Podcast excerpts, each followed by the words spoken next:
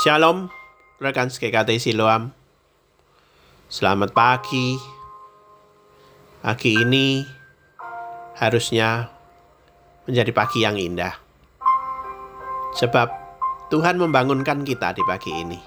Kita hidup. Kita bersuka cita. Mari kita berdoa sejenak setelah itu kita renungkan bagian firman Tuhan.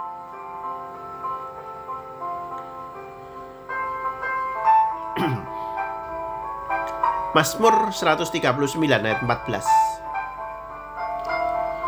Aku bersyukur oleh karena kejadianku dahsyat dan ajaib. Ajaib apa yang kau buat? Dan jiwaku benar-benar menyadarinya. Bila kita melihat proses kehamilan, wow, sangat luar biasa Bagaimana dua benih dari papa dan mama bersatu terjadi pembuahan dan di rahim menjadi bayi kecil yang terus-menerus berenang di perut ibu selama sembilan bulan itu. Bila bayi di dalamnya kembar, ternyata dua bayi kecil yang ada di perut ibu itu bisa berkomunikasi, bisa berenang-renang, dan kadang bisa bertengkar di dalam rahim ibu. Kemudian sampai waktunya lahir dari umur 1 sampai 3 tahun bertumbuh tanpa bisa mengingat pada masa dewasanya. Bagaimana dulu masing-masing pribadi itu ada di perut mama. Kita pun juga demikian. Saya juga demikian, tidak bisa mengingat dulu di perut mama ngapain saja.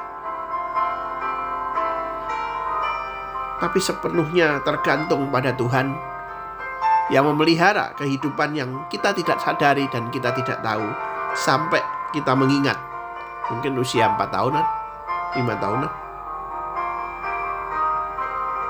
kita nggak tahu apa-apa tetapi pada saat kita mengerti maka kita boleh membayangkan bahwa Tuhan mencipta saya secara luar biasa di antara sekian miliar manusia yang ada.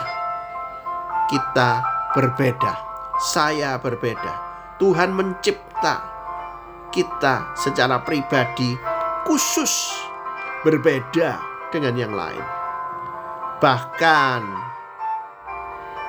anggota GKT Siloam kita dipilih khusus untuk percaya dan kita dipilih khusus untuk diselamatkan. Wow, ini luar biasa. Mari kita juga bersyukur karena selain itu kita mempunyai karunia yang khusus. Ada bakat yang khusus. Ada talenta yang khusus.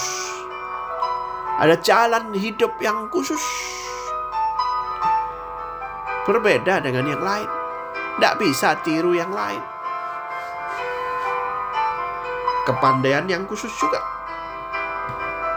Teman-teman yang khusus juga Mari kita syukuri. Mari kita pakai kekhususan kita itu untuk melayani Tuhan. Untuk melengkapi pelayanan rekan lain.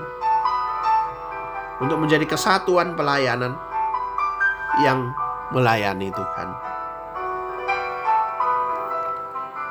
Mari kita katakan, "Saya bisa seperti ini." karena Tuhan. Apa pun itu bentuknya. Walaupun orang lain meremehkan, tetapi tetap saya seperti ini karena Tuhan. Mari kita melayani, mari kita berusaha lebih baik untuk melayani. Berusaha lebih baik untuk hidup melayani. Mari ini semuanya mendorong kita untuk tidak merasa sombong, merasa lebih daripada orang lain. Karena orang lain juga mempunyai kelebihan sendiri. Tapi juga tidak merasa minder. Merasa harus diperhatikan. Karena kekurangan yang ada pada diri kita. Karena orang lain juga punya kekurangannya sendiri. Mari kita melihat saya adalah saya. Punya kelebihan dan punya kekurangan yang khusus yang sudah dirancang Tuhan untuk saya supaya saya bisa melayani Tuhan dengan baik. Mari kita syukuri hal itu. Mari kita syukuri hal itu dan kita melayani Tuhan di dalam kondisi kita yang ada. Dalam pekerjaan kita, dalam kegiatan kita, dalam apa pun yang kita lakukan. Setiap saat, setiap hari, setiap detik. Mari kita melayani Dia. Ingat, kita secara pribadi diciptakan Tuhan dengan dahsyat dan khusus supaya kita juga bisa melayani Dia secara khusus. Amin. Tuhan memberkati kita semuanya. Shalom. Selamat pagi.